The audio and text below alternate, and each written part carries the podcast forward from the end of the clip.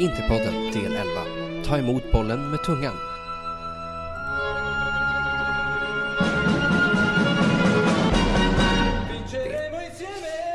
Jajamensan och välkomna tillbaka till Interpodden. Det är del 11 och jag är här utan några vidare förbehåll med Interpoddens egna skamstatist Jon Sköld.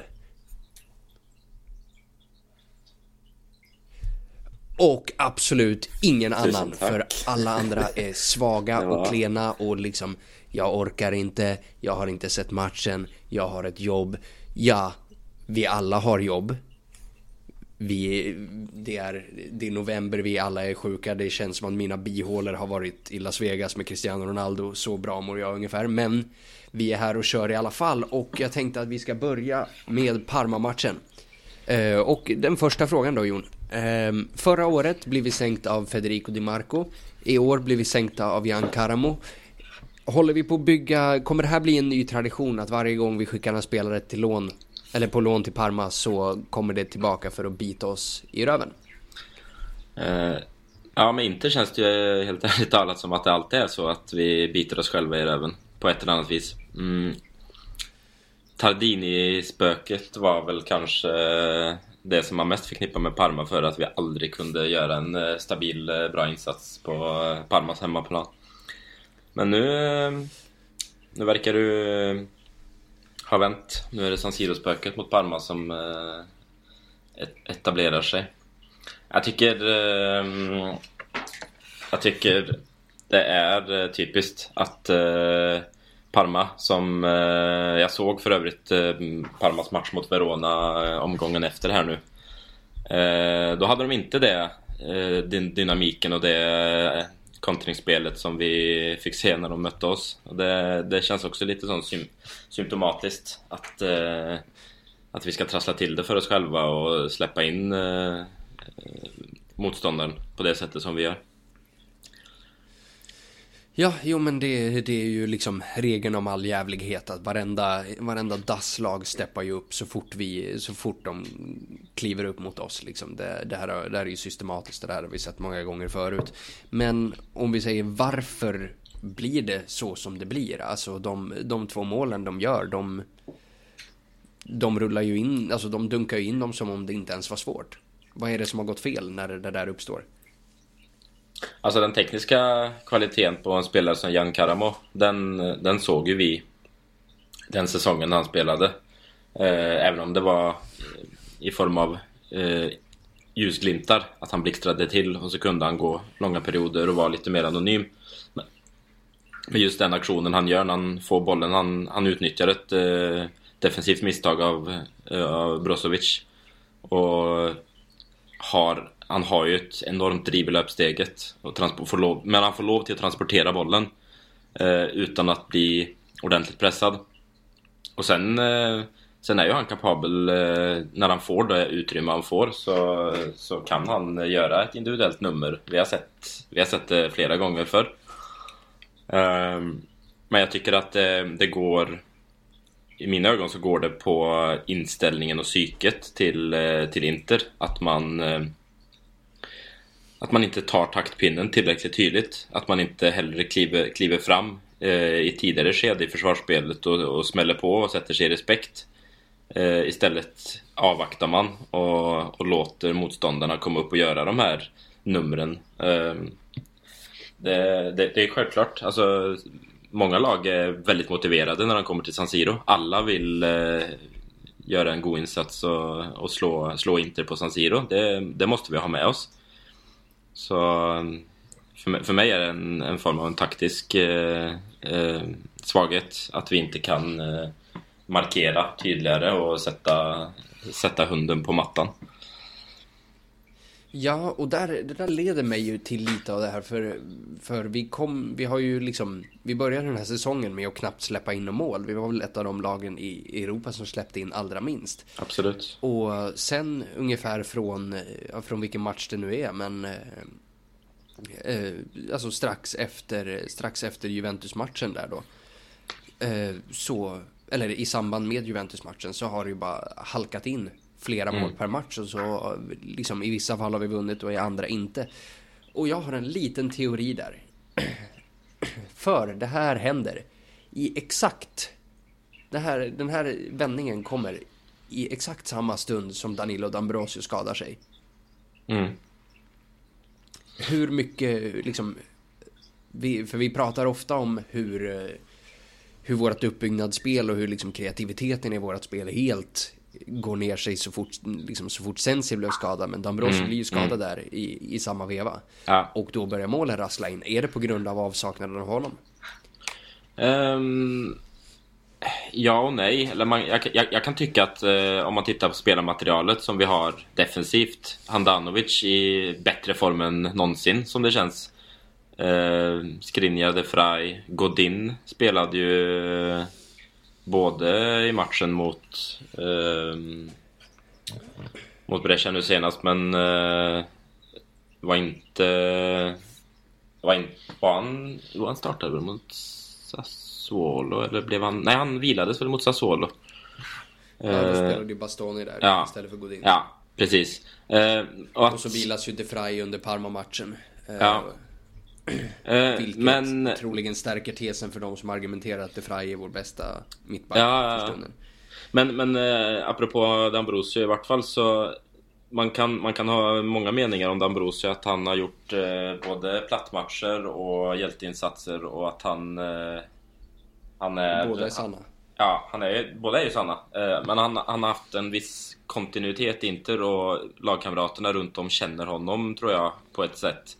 Eh, så när han är på plan så, så finns det en viss, viss trygghet då i att, eh, i att veta hur han, eh, hans rörelsemönster är. Och det defensiva hemarbetet är ju är ju egentligen, alltså han är ju om, om än inte alltid 100% taktiskt riktig eller smidig så, så har han ju ett hjärta och en inställning som, som många andra spelare hade mått bra av att pröva att efterlikna.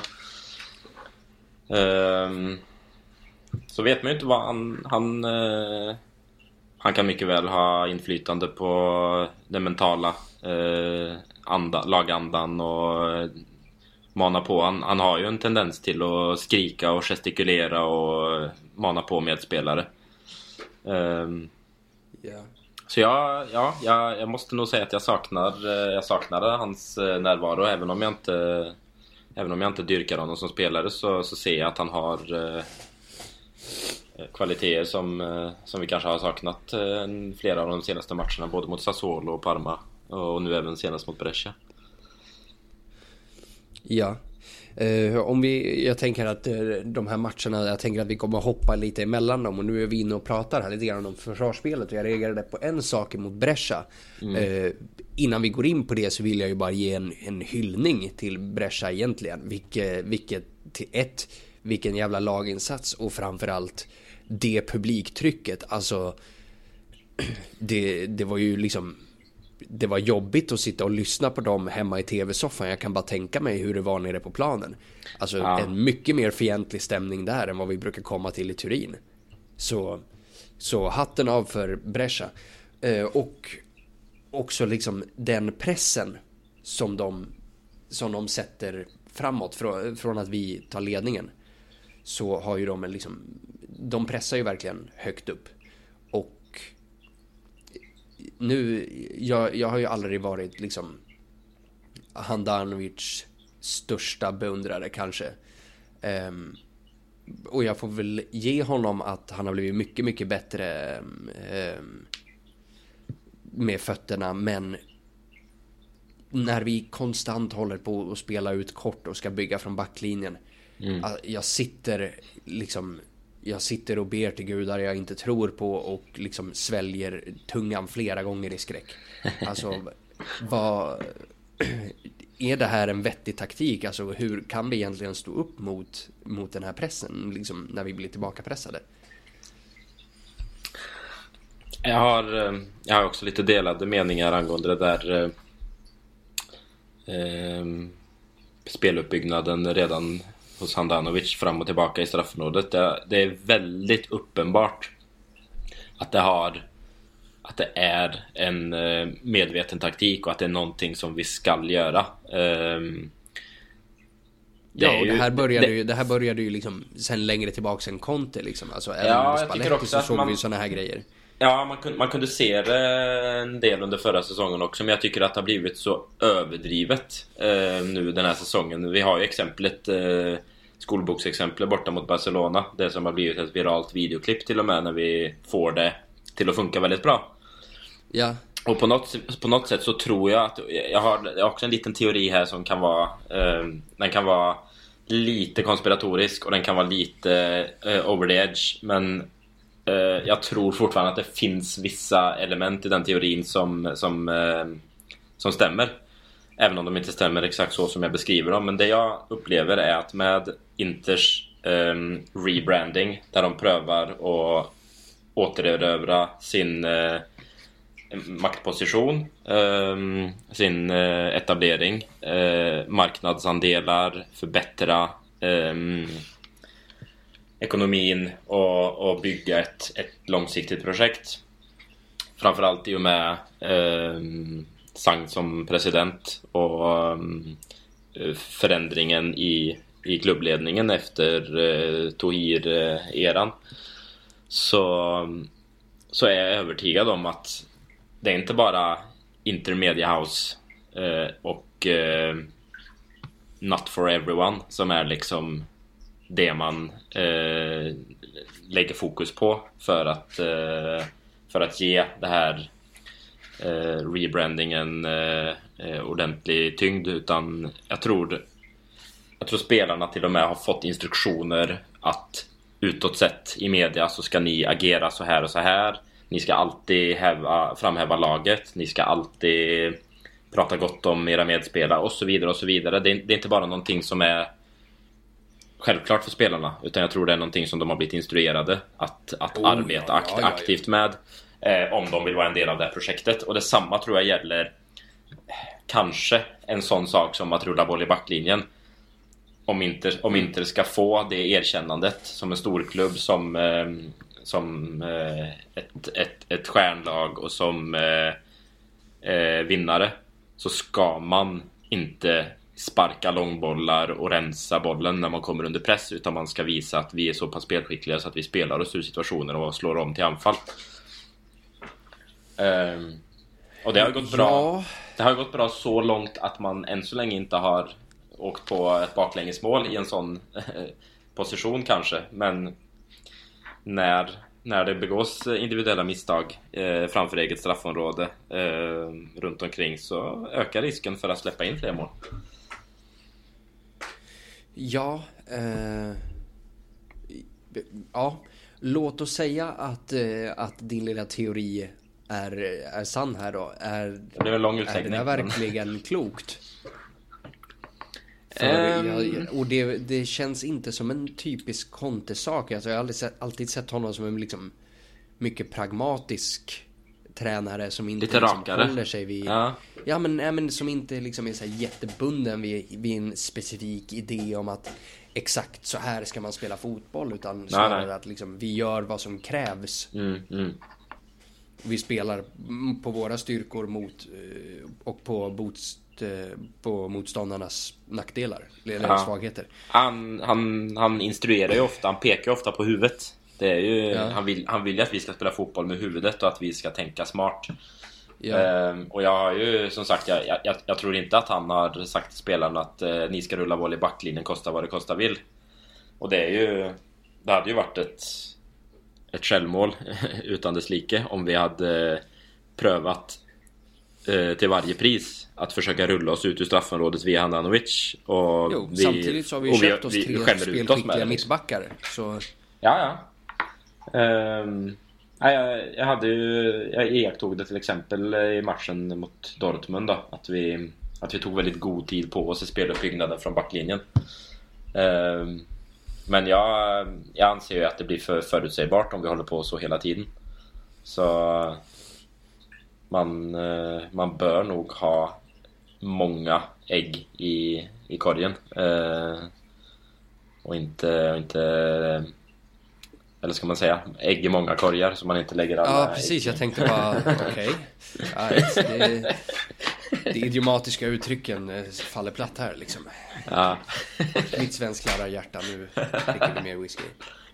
ja det är det. Eh, yes, så... um, något som, eh, liksom, som pratats mycket om liksom, den senaste veckan i samband med, med Brescia-matchen då. Sandro Tonali.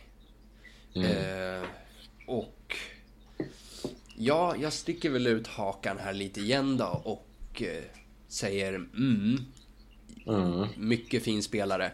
Men... Ja. Meh. Alltså... Är han verkligen all that? det alltså att säga att han är en mycket fin spelare i mina ögon, det är riktigt så att eh, ja, det, det är inget det är ingen överdrift att säga att han är en mycket fin spelare. Eh, men jag skulle vilja kanske placera honom någonstans i vart Nicolo Barella var för ett år sedan, två år sedan när han ehm, eh, slog igenom.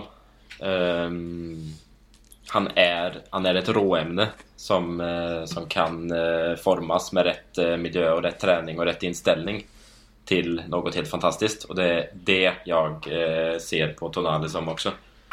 Ehm, det, det är helt, det är helt bisarrt egentligen att sitta och kolla highlights eh, av honom i Serie B förra säsongen.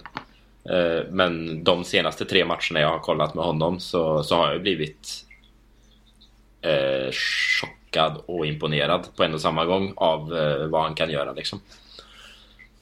Ja, jo, jag antar väl att jag, jag dömer ju honom väldigt hårt här. Alltså man, man ska komma ihåg att han, att han spelar i, i Brescia liksom. Alltså, Mm.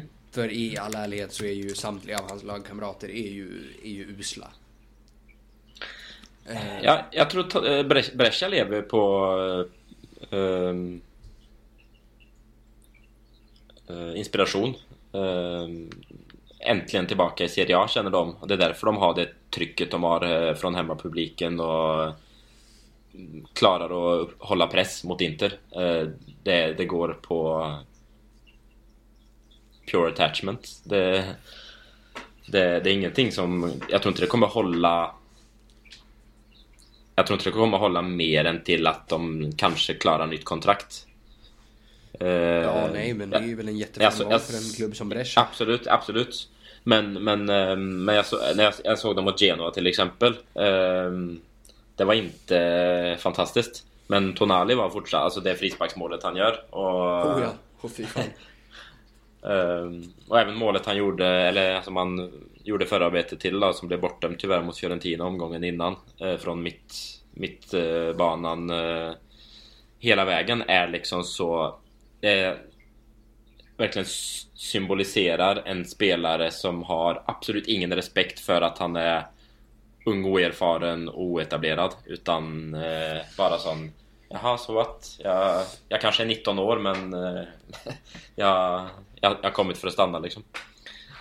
Eh, och har han rätt Har han rätt mindset eh, Att han inte tror att han redan är den stora stjärnan och eh, Rycker lite på axlarna och tänker att allting kommer gratis Då, då är det möjligt att han inte blir mer än så men, eh, men har, han, eh, har han huvudet med sig så, så hade jag absolut inte haft någonting emot att han var, blev ett alternativ för Inter. Eh, ja, ja, nej, nej. Alltså, om, om vi går in och, och, liksom, och satsar på det där så kör, absolut. Men inte för 300 miljoner euro. Nej. Som något psykfall där som Brescias ägare har sagt att de ska ha. Mm. Man bara hola hejsan. Okej. Ja, nej, det, det är väl fler. Är inte De Laurentiis i Napoli någon gång som varit ute och snackat om att de ska ha... Vad var det? 10... Ja, jag vet att det var någon så här 250 10 miljarder eller miljoner någonting. euro för Koulibaly eller något sånt där. Ja, herregud. Ehm, om eh, jag vill hänga kvar i Brescia-matchen här och eh, jag vill lägga en liten kommentar om Romelu Lukaku. Ehm, så... eh, Hans, eh, då hans mål, det som han gör i den här matchen. Eh, där Han tar emot bollen på kanten, viker in, böjer den med vänsterdojan i bort- bortre och således säkrar sitt sjunde mål på, eh, på tio matcher i ligan. Mm, mm. Eh, och likväl så pratas det fortfarande om hans första touch. Så jag vill bara vara tydlig så att det inte blir några missförstånd här. Att om han fortsätter med det här målsnittet så bryr jag mig inte ett smack om hans första touch vore att ta emot bollen med tungan, svälja bollen, skita ut den en dag senare över sin egen balle och sen springa. Det är en helt okej okay första touch i min värld om han fortsätter göra så här mycket mål. Äh, vad kräver ni av killen? Alltså vad, vad, vad, är det för, vad är det för lite metakommentar? Ja ah, men hans touch är dålig. Liksom är han rufsig i håret också? Vem fan bryr sig? Så länge, så länge målen smäller. Sju mål på tio morgon, matcher. Det är precis vad Diego Melito gjorde när han anlände. Och det är inte äh. fan, det skulle någon komma på att gnälla om små saker. Det här är, det här är en, en forward, inte liksom, vi har inte köpt honom för att han ska vara Ronaldinho. Så, äh. så länge han gör mål, tutto bene. Fantastico. Ja, jag, än så länge sitter jag absolut i Lukaku-båten. Och det är för att i mina ögon så är han eh, prototypen på en bomber. Han gör han gör mål. Uh, är inte, är inte no, absolut inte någon spektakulär spelare i övrigt. Um, och jag har än så länge, fast bara baserat på de 10 ligamatcher och vad han har eh, visat upp än så länge. Men jag får, jag får väldiga Christian Vieri-vibbar på den här spelaren alltså. Ja, och ehm, det är, ju, det är ju ett högt betyg i min bok. ja, absolut. Vieri var Eh, Vere var lång, kraftfull, eh, gänglig, eh, inte superteknisk men med bollen rättvänd i djupled så, så kunde han få upp ganska bra acceleration eh, på långa sträckor. Eh, och framförallt så var han helt ohyggligt jobbig för försvar, försvararna att möta när han kom med fart och fick bollen eh, mot sig. Ehm, men han kunde också glänsa på det sättet att han, han kunde komma från kanten, vika in två steg eh, och smälla bort den i bortre liksom på det sättet som Lukaku gör. Jajamensan, och så vänster, vänsterfoten där också. Ja. Ehm, och han, eh, han hade ju, det var ju hans målsnitt som var hans eh, signum. Ehm, att, han, att han faktiskt eh, plågade motståndarna på det sättet eh, med sin, med sin fysik och sin... Och hans mål, eh, knullsnitt kanske? Ja, ja herregud. Ja, Elisabetta Canalis kan bekräfta. Ja, men... men äh, för, för men ska, ska tilläggas... referenser till Vieri så, så, rekommenderar jag skarpt avsnittet om honom som, äh, som Golazzo-podden har gjort. Ja. Sjukt spännande. Ja, det är faktiskt väldigt bra. Eh, nej, men eh, ska, det ska tilläggas också, skadebenägenheten hos Veri eh, var ju såklart det som eh, gjorde att han inte liksom är ansedd som kanske en av de största eh, strikers eh, någonsin. Men att han ligger alldeles under i toppen där. Lukakos fysik, eh, hans kroppshydda gör mig också lite sån... Det är viktigt att han upprätthåller eh, fysiken eh, underhåller fysträning och allt sånt där. Om det inte ska komma de här ryggskador, sträckningar, eh, allt möjligt. Eh, för det är ju just det där att med det målsnittet så vill man ha någon på plan, inte, eh, inte borta i en månad och sen komma in och så... Utan få kontinuitet då. Nej, absolut. Och där liksom honom som karaktär är ju liksom minst lika viktig som det som vi får på planen. Liksom. Att mm. en Vieri, liksom, hade vi plockat in en Vieri idag så hade jag ju varit mycket orolig över just den liksom, fysiska biten och träningsbiten, vilket liksom vilket vi vet inte kommer vara ett problem med Lukaku. Han verkar vara så himla mellow och down to earth. Så... Ja, faktiskt. Han... Eh... Om Vieri var partylejon och eh, kvinnotjusare så verkar Lukaku vara lite mer eh, mamma, mammagrabb och eh, sätter tilliten till högre makter. Precis, och det Ödmjuk. kan man ju tycka vad man vill om rent privat, men fotbollsmässigt Ja, liksom men, en absolut dröm. Så, som du, exakt som du säger, alltså, så, länge, så länge han eh, inte sitter i sjukstugan utan är med på plan och är, är en tillgång så så är Exakt, det precis för vi, det vi har för betalt, För vi alla för. förstår ju liksom att om vi har liksom att i Milans omklädningsrum 2006 så, liksom, så hade du två brassar att välja på. Det var Party Ronaldo eller så var det liksom kyrkan på söndag morgon Kaká. Och ja. vi fattar ju alla att Kaká säkert är den tråkigaste jäveln i hela världen att hänga med. Men fortfarande, vi ska inte hänga med de här. Utan de, liksom, det är fotbollsspelare och då vill man allra helst ha den, ha den typen av kille. Mm. Ja. Nej, alltså det... Men det... Men det jag, jag förstår de, de, alltså kritikstormen som kommer. Eh, jag kan förstå den om vi tar det i ett perspektiv att ponera att Lukaku plötsligt inte längre gör mål. Mm. Så är det inte, så är det tror jag. Och, och framförallt om, inga, om ingen annan då gör målen eh, och att eh, resultaten på plan börjar bli negativa för laget. Absolut, då... även där ska man ju liksom ge liksom, spelsystemet och taktiken en stor tumme upp i och med att målproduktionen sprids ju ganska, ganska jämnt mellan Lautaro och Lukaku. Mm. Vilket är väldigt betryggande och något som vi inte alls är vana vid sett till vårt tidigare enforwardsystem. Där liksom allt har börjat och slutat med Icardi. Precis. Nej, och det... Det, det för mig också in på nästa argument om man ska säga att eh, eh, Slutar Lukaku plötsligt producera mål så avgörs egentligen hans eh, bruksvärde av om vi fortsatt som lag producerar mål därför att Lautaro eh, får mer utrymme vid sidan av Lukaku och stänka in dem. Eller Sanchez eller Politano eller Esposito eller vem det nu måtte vara som, eh, som ackompanjerar. Eh, så, ja, vi kan ju prata lite om hierarkin där, Esposito och Politano. För jag är ju en sån här, alltså framför allt då efter det, det Parma, nej, Polit, kommer Politano in i Parma-matchen? Han gör det va? Eh, ja... Ja, han kommer in sista tio. Ja. Jo, det ja. gör han. Och han är fan, alltså herregud. Vilken clownspelare det där är. Alltså, han är fan skräp alltså. Han är inte bra nog för det här inte. Så alltså, det där måste säljas illa kvickt. Problemet med Politano som jag ser det, det är att hans... Eh, hans mentala eh, self verkar vara så mycket högre än hans faktiska eh, kvalitet som fotbollsspelare. Och det, väg, alltså det, jobb, det väger emot honom. Jo, jo, men ehm. för den här, den här vika, liksom så här, vika in på insidan, försöka böja den i bortre med vänstern. Ja. Alltså det fungerar att göra det där varje gång. Var, precis varje gång. Om du är Arjen Robben och lyckas med mm. det varje gång. Mm. Mm. Han fucking lyckas aldrig! Alltså, det, det, är liksom, han är, han är en pekbok. Alltså, du, du har två barn, de hade kunnat läsa honom hur enkelt som helst.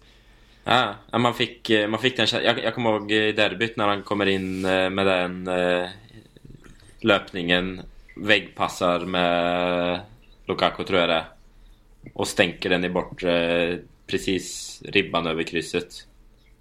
Då var det lite sådär Åh, är han på gång? Är det nu han liksom i år ska han visa vad han går för? Men det är ju det att det stannar ju där och det fortsätter med detsamma. När han kommer in, jo, jo, han, ordnar, och, och liksom, han ordnar frisparken mot Parma.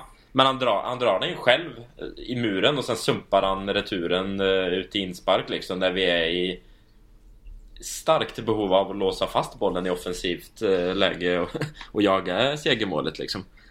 Jo, och, och där fattar jag inte liksom att Esposito som, han, som eh, bevisligen har en bra frisparksfot, varför han inte får ta den. Medan ja, liksom clownen Politano som han representerar någonting. Absolut.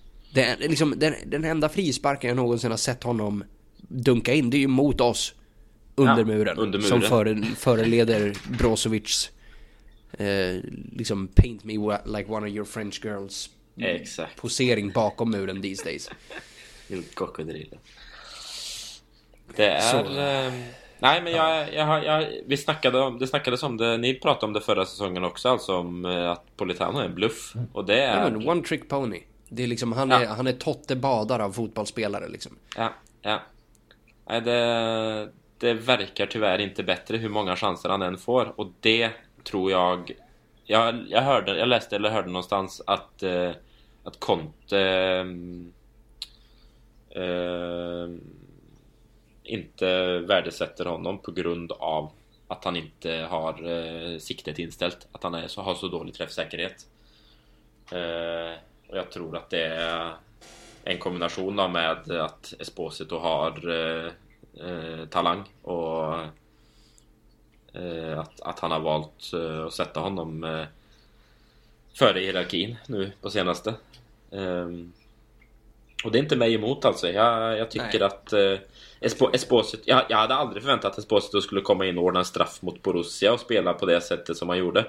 Nej, och sen är, det ju, sen är det ju jävligt olyckligt att liksom det sista som händer i matchen är, eh, är liksom att Esposito nickar den där bollen över i, ja, ja, ja. i mot friläge. Parma, ja. det där är sånt som händer. Alltså det här är en 17 Ja men det är det jag menar. Alltså jag, jag, jag, jag, jag hade aldrig förväntat att han skulle gå in och ordna straffen och att han skulle eh, spela så eh, rakt på då, som han gjorde till att börja med. Men bara för att det skedde så förväntar jag inte att han ska fortsätta så match efter match efter match och bara vara helt varm i kläderna och klar för, klar för att vara ordinarie i Serie A. Jag, jag, men, men, men jag ser fortfarande att för varje chans han får, till trots då för att vi tappade poäng mot Parma, han fick ändå komma in mot Brescia eh, och slet, eh, slet bra. Löpte, löpte bra, pressade, tacklade alltså när vi behövde det. Ja. Eh, hade Lautaro släppt bollen i en kontring vi hade där så, ja. så hade han haft friläge och kunde ha stängt liksom. Men, oh, Gud ja, det hade han gjort. 100%. Men det är det, jag ser, det är det jag ser för mig, att för varje gång han får den chansen, även om han inte var 100% eh, superstar i matchen innan, så kommer han bli mer och mer avslappnad eh, och, och van med att, att, att han ska vara beredd att spela. Och då tror jag också att han successivt kommer eh, komma in i, i rytmerna bättre och göra, göra mer väsen av sig. Ja, och så ska vi ju komma ihåg också att liksom det, det är 186 centimeter på den här jäveln. Alltså, Exakt. och killen är 17 år. Alltså ge honom ett år på gymmet. Precis. Så det finns Lite, lite bit och lite, lite dynamit i kroppen också. Då, Absolut. Då jävlar kan vi ha... Vi kanske till och med har en Cotrone på händerna här. Oj, oj, oj. ja, eh, jag tänker att... Den här Parma-matchen är ju frustrerande att vi tappar i samma läge som Juve tappar mot Lecce, i samma läge som Napoli tappar mot Spal. Snäppet mer frustrerande blir det ju när vi tar den här vinsten mot Brescia och Juve fuskar. Det här är blatant fusk och jag tänker rikta det här mot Cristiano Ronaldo och framför allt alla de som argumenterar att han är liksom the greatest of all time. Nej, en sån här kille med liksom den här, den här typen av spelstil och liksom, och då beskyller, för det är ju, det är ju en blatant och vidrig filmning. Det är inget snack om den saken. Men det förväntar jag mig av honom. Den här killen har gång på gång med liksom homofobiska kommentarer och våldtäkter bevisat att, att han har ingen moralisk kompass överhuvudtaget. Och, och han har inte tatuerat sig för då, kan, för då kan han inte ge blod. Who gives a fucking shit? Så det här, liksom, det här är ett ärkesvin av liksom Buffon och Totti rang som också är två killar som inte ska hyllas till några skyar här. Och så jag förväntar mig självklart att han kommer filma. Men då måste ju vi liksom som fotbollsfans, vi kan ju inte hålla honom i samma diskussion som Messi. Vi kan inte hålla honom i samma diskussion som den riktiga Ronaldo. Jag tänker fortsätta argumentera den riktiga Ronaldo.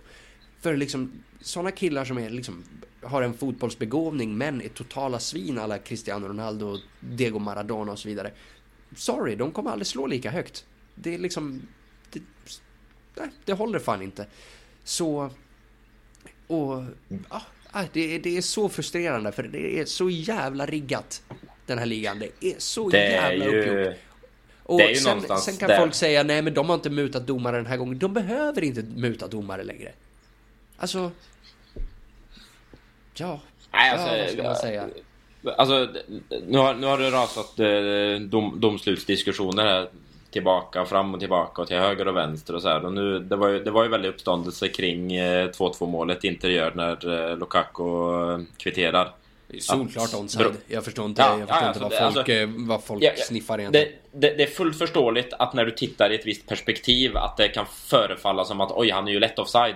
Men jo, jo, då, man då förstår, från för det första så förstår inte folk då perspektiv. Höger, det är klart som fan att det blir offside ja, då. exakt. Då, då, förstår inte folk perspektiv och hur perspektiv funkar. Men till och med när de har teknik för att titta på situationerna och beskriver det tydligt. Det är till och med domare som har gått ut och liksom lagt ut bildsekvenserna och förklarat tydligt att det här är så och det här är så och därför är det regelrätt och det, det finns inget som går att argumentera emot det. Så fortsätter ändå Juve-fans och bara titta på offside-målet.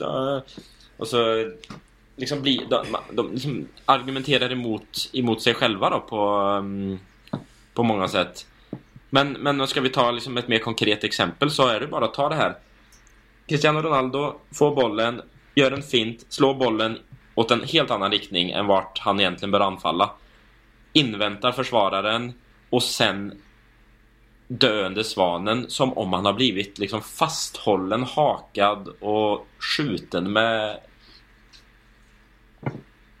Ja. Jag vet inte vilket vapen men... men Fälthaubits. Ja. Slangmälla. Ja. Ärtrör, jag vet inte. Men, men det är ändå... Ja. Det är ändå Nej, men, så liksom, uppenbart att han simulerar hela situationen. När, det blir ju snäppet mer frustrerande när Sanchez åker på ett rött kort. Exakt, det var det jag För något till, som, som är betydligt som mer kontakt än vad det där är. Ja, ja. Sanchez, Sanchez går i en löpriktning och blir, eh, blir eh, vad ska man säga, avskärmad. Han löper in i spelaren medvetet och eh, faller. Men han är solklar över att han har gjort det och försöker inte ens ropa på domaren att han ska ha en straff. Han försöker bara resa sig upp igen. Men mm. får kortet rätt i ansiktet. Och det är ja. det som är den tydliga skiljelinjen i det här. Det, det, är liksom Folk kan säga hur mycket de vill om att ja, men det är ju kontakt och försvararen har ju benet där och så vidare. Ja, men Ronaldo gör inget annat än att försöka lägga sig. Och han simulerar inte ens med kroppsdelarna som träffas av benet.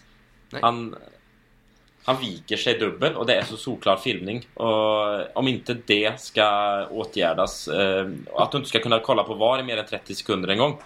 För, för att eh, ta reda på om, om man har ärligt uppsåt eller om man bara söker det. Då, då är det ett väldigt tydligt exempel på att den ja, nej, det, det här är, det här är maktstrukturen är det. Du vet lika väl som jag att, du, att vi hade aldrig fått den straffen. Nej, nej, nej. Det, det, finns, det finns inte på kartan. Alltså, om, vi skulle, om vi skulle fått sådana straffar då skulle vi haft två jag kan, jag kan Barcelona. Se, jag kan säga för mig att domarna hade blåst straffen känslomässigt. Alltså i situationen att det går fort och att det blir skrik. Och att han blåser straffen instinktivt. Men hade han gått och tittat på VAR på den straffen när det var vi som hade fått den så hade han liksom bara... Nej, han ser att han simulerar och så hade han bara vinkat bort den. Och så hade han varnat spelaren i tillägg liksom. Ja. Men det, det, skulle aldrig hända alltså. Och det är så, det är så jävla frustrerande för det är liksom det som, som jag har sagt flera gånger. Att kommer vi vinna den här ligan? Nej, det kommer vi inte. Men vi, vi tävlar inte ens i den här ligan på samma villkor. Nej, de kommer nej, få varenda jävla grej som de kan få. Alltså det röda kortet som Genoa får, det är ju för fan det löjligaste, det, det löjligaste jag sett i mitt liv. Trodde jag fram tills jag såg det röda kortet som Roma åkte på. Det var ju ännu löjligare. Aha, ja, det var också helt absurt. Roma faktiskt. Men liksom, men, så...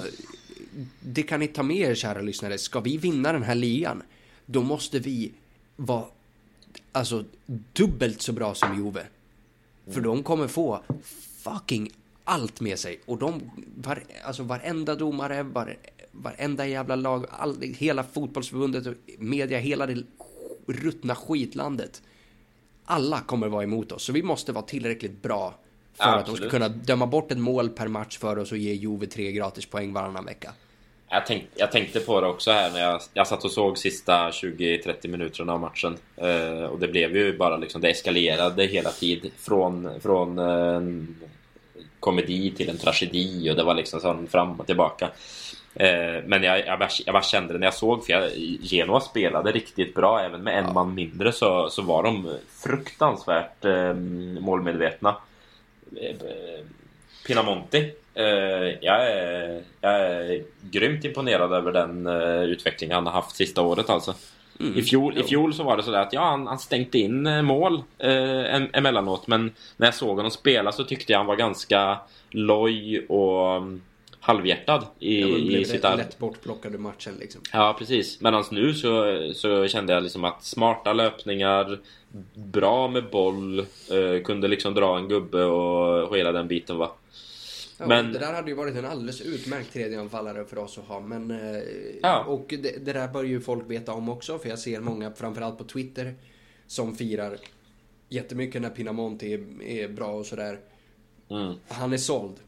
Ja, precis. Eller han är utlånad med en obligatorisk eh, ja. utköpsklausul på ja. 18 miljoner ja. euro. Så han är inte våran spelare längre. Nej. Det tror jag är ett eh, så kallat gentleman agreement dock. Eh, som ska finnas där. Men, eh, men det, det är ju ingen, det är ingen det är formell Genoa. juridisk Nej. grej. Det är Genoa liksom. Det är Preciosi och det finns inget gentlemanaktigt över honom överhuvudtaget. Så. Ja. Men jag kände det i alla fall då när, när vi kom till, till utvisningen på Genoa och det fortsatte in på övertid. Och målet kom och jag såg direkt på målet att det var offside och jag visste att bara åh gött fira nu, fira nu ordentligt så ska ni få se när de blåser bort det här för det är så övertydligt offside liksom och så gjorde de precis det. Och så mm. kommer ändå inte möjligheten för Geno att liksom hålla undan och få det här sista så kommer straffen. Jag bara kände alltså om det ser så här ut i tionde omgången för att Juventus ska få sina poäng. Bara vänta. Aha. Bara vänta på vad som ja, ja. kommer liksom för att de ska härda ut in till till vår, vårkanten liksom. Det här är bara, det här är bara, kommer vara bara en bråkdel. Som du säger, vi, vi, vi, vi, är, vi, är, vi är tvungna att vara på toppen av vår förmåga över tid för att vi ska kunna utmana Juventus eh, under de här omständigheterna. Eh, och det hoppas jag jag hoppas att spelarna märker det. Jag hoppas eh, innerligt att de känner och märker av det här eh, och att det ger dem eh, extra, extra motivation då till att inte tappa enkla poäng som mot Parma eller liknande nu i, i fortsättningen. Yes, eh, jag tänker vi ska knata vidare till kommande match mot Bologna och där finns det många interbekantingar ifrån eh, eh, Andrea Polli till Rodrigo Palacio till Mattia Destro till Ibrahima Mbaye till Gary Medell och annat löst folk. Eh, Sinisa Mihailovic. Sinisa, givetvis. Eh, Shoutout Sinisa Mihailovic. Honom har vi ju trots, eh, trots hans sejour i Milan och hans, hans kommentarer om derbysegern mot oss så får vi ändå liksom credit where credit is due motherfuckers och... Eh, Absolut. Och vi kan ju titta lite på liksom, det som Bologna har att komma med och Mattia Destro är ju skadad och borta. Detsamma gäller för eh, vänsterbacken Dix. Eh, det är också ett namn som jag tycker om. Eh, Gary Medell. Dix eller Dix? Dix. Swinging past your knees. Gary Medell borta, även, skadad även han och, och så vidare. Men Rodrigo Palacio, han, han stänker ju in en del mål. Eh, ja. Tre mål den här säsongen. Eh, det, eh, vilket... det, det, är ju, det är ju hans signum. Jo, jo, det är ju det. Så, eh, och ett Bologna som liksom, som ändå spelar, som liksom spelar bra fotboll. Får man ju ge dem. Mm. Mm.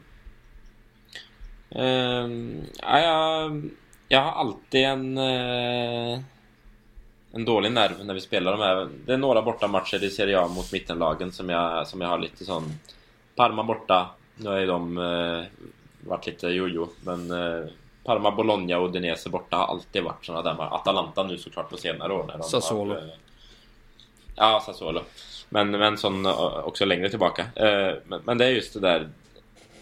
Bologna har vi nog trots allt ändå haft ganska bra resultat emot. Ja, jag sitter och tänker eh. vad, liksom, vad, hur det har gått borta mot Bologna. Det senaste bort, alltså bortamatcherna mot Bologna jag kan komma ihåg det är ju delvis eh, Jan Karamos tvåfotare och liksom en bomb upp mm. i krysset. Eh, mm. Gabriel fucking 3-0 borta i fjol. Och så vidare. Mm. Alltså... Ehm, jag känner inte av något sånt, ska man säga, Sassuolo eller Parma-spöke på det sättet när vi, när vi spelar mot Bologna. Men Polly är en spelare till exempel som jag upplever att han skärper sig extra när han ska spela mot oss. Han känns, uh, han känns liksom som milanifierad. Uh, och det... Um, samma sak Palacio. Uh, han, han är giftig. Du vet inte vart du har honom eh, och så plötsligt dyker han upp. Ja, alltså vi släppte ju honom alldeles för tidigt alltså. Alltså tänk, tänk bara att ha, att ha haft en Rodrigo Palacio nu. Ja, precis. Jag tänkte jag skulle till att säga det här som att haft honom som eh, alternativet istället för att För fucking Politano liksom. kasta in Politano. Ja.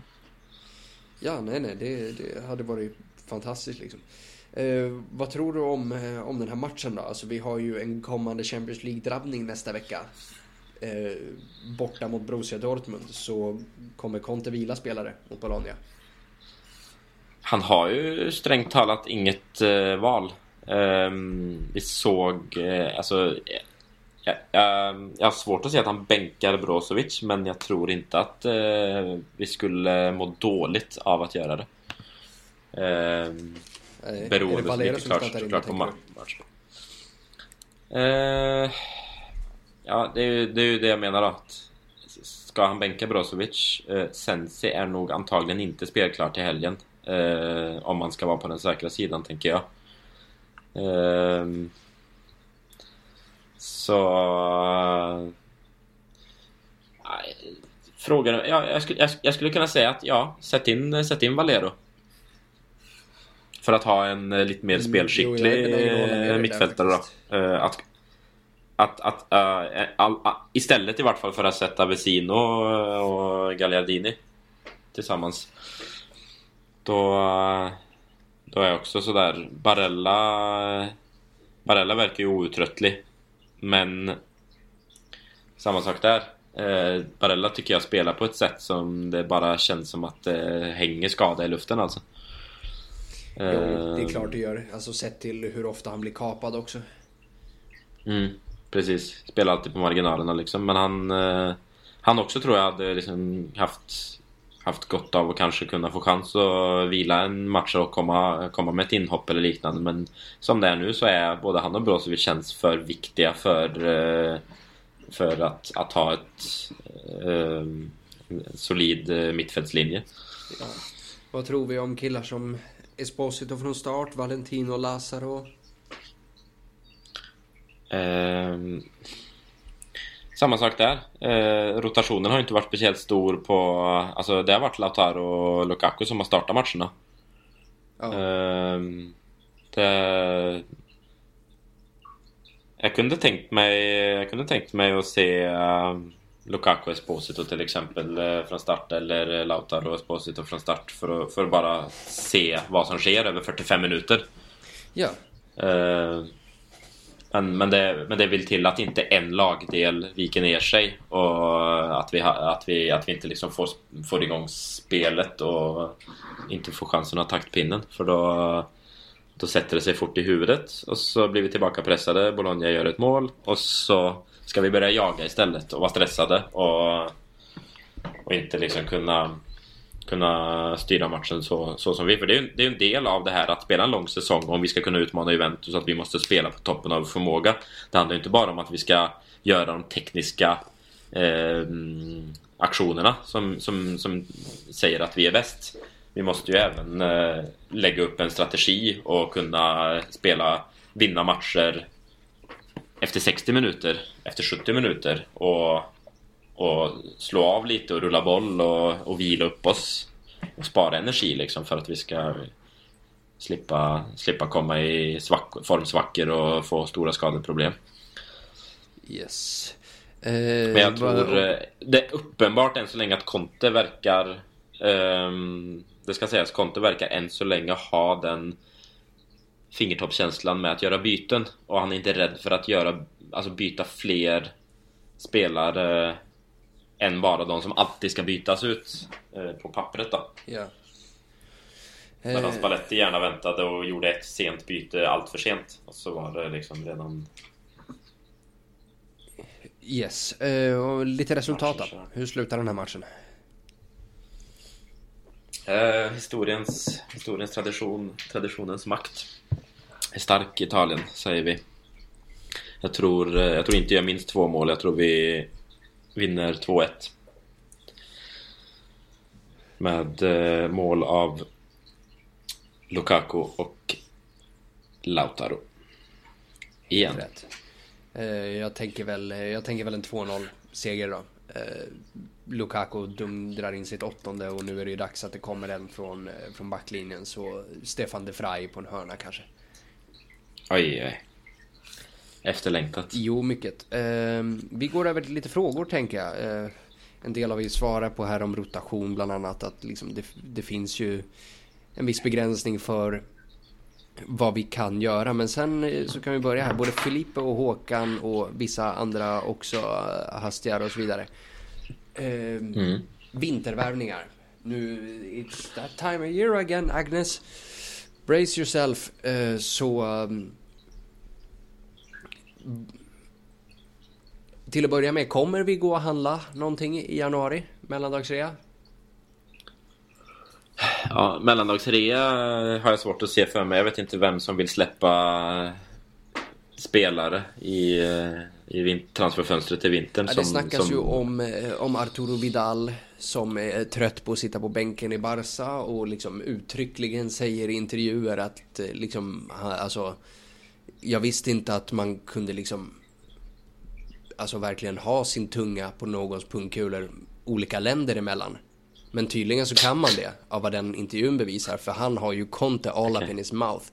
Uh, och ah. det gillar vi att se för Arturo Vidal han har ju bevisat, alltså han, det är lite som liksom Alltså en ny gryning för honom här i Barcelona uh, efter Efter liksom sista året i Bayern München som var vad det var liksom. Ja. Och även Nemanja Matic då från Manchester United. Och jag har alltid gillat Matic, jag tar honom med öppna armar. Av de två så hade jag ju nog varit mest positiv till Vidal. Eh, dels, dels för att jag tror att han hade kunnat ha eh, inställning och erbjuda eh, kvalitet och eh, mångsidighet på, på mittfältet. Men eh, framförallt så hade det ju såklart varit eh, kul eh, peak gentemot Juventus. Mm. Att, eh, att använda deras egna gamla spelare emot dem. Jajamensan, men i övrigt så har det ju inte varit ryktats om så mycket, så mycket namn i januari och det är ju som Nej, men sen, sen är jag också sådär, alltså, ja, vi är ute från, eh, ska man säga, settlement agreement, FFP, men vi, vi tvingas fortfarande förhålla oss till att ekonomin ska vara bra och gärna bättre och bättre för vart år. Absolut. Så, så vad, har vi egentligen för, vad har vi egentligen för resurser att uh, röra oss med om vi ska börja shoppa loss? Ja, då är det ju saker som ska lämna i så fall. Uh, ja. Likväl om man liksom kunde få en liksom, tidig handskakning av PSG på, på Icardi-pengarna och så vidare. Uh, mm, mm. Men, men som sagt, det, det erkänt svårt att köpa stora saker i januari. Liksom. Det, det vet vi alla. Ja. Det är ingen som säljer sina, sina stjärnor mitt under en säsong. Så vi ska nog inte förvänta oss allt för stora underverk. Och på tal om underverk så har Shirin frågat om eh, vi når hela vägen till Scudetton. Om vi, om vi då eh, får tillbaka Sensi, Sanchez och D'Ambrosio. Och det korta svaret är väl nej. Jag tror också som du säger, det korta svaret, nej det tror jag inte. Men, eh, då är det liksom ett stort men. Om vi får, som eh, hon eh, uttrycker det, om vi får tillbaka Sensi, Sanchez, D'Ambrosio och de fortsätter. Eh, framförallt Sensi då. Och nu har ju inte Sanchez hunnit visa upp sig så mycket men Sensi har ju redan visat upp ett enormt spektra.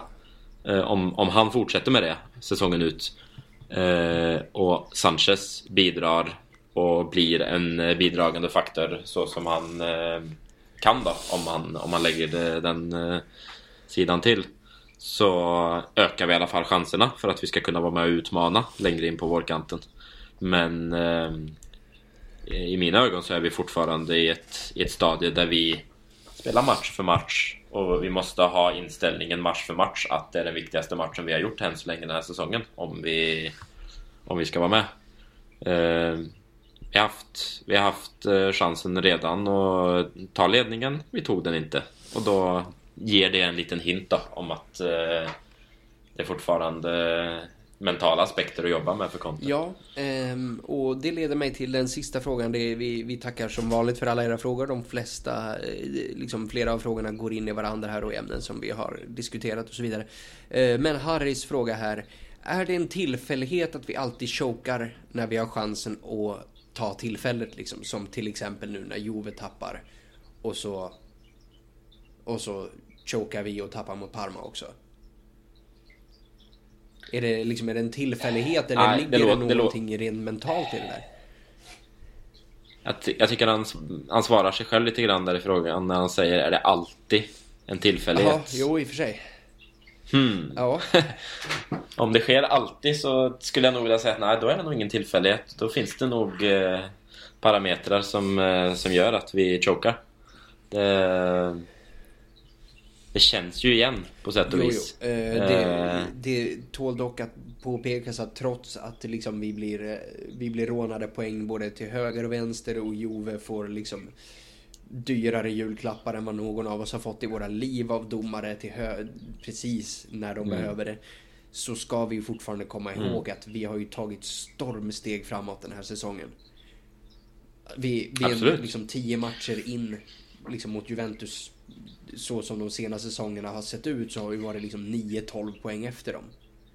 Nu är vi en poäng efter Absolut. och vi fucking Nej, borde vara före dem.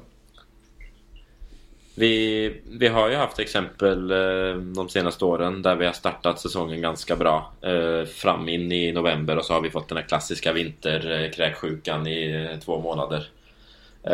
Men det jag ser i år som jag inte tycker att jag har sett de tidigare säsongerna det är att vi har vi har helt andra alternativ kvalitetsmässigt i alla lagdelar.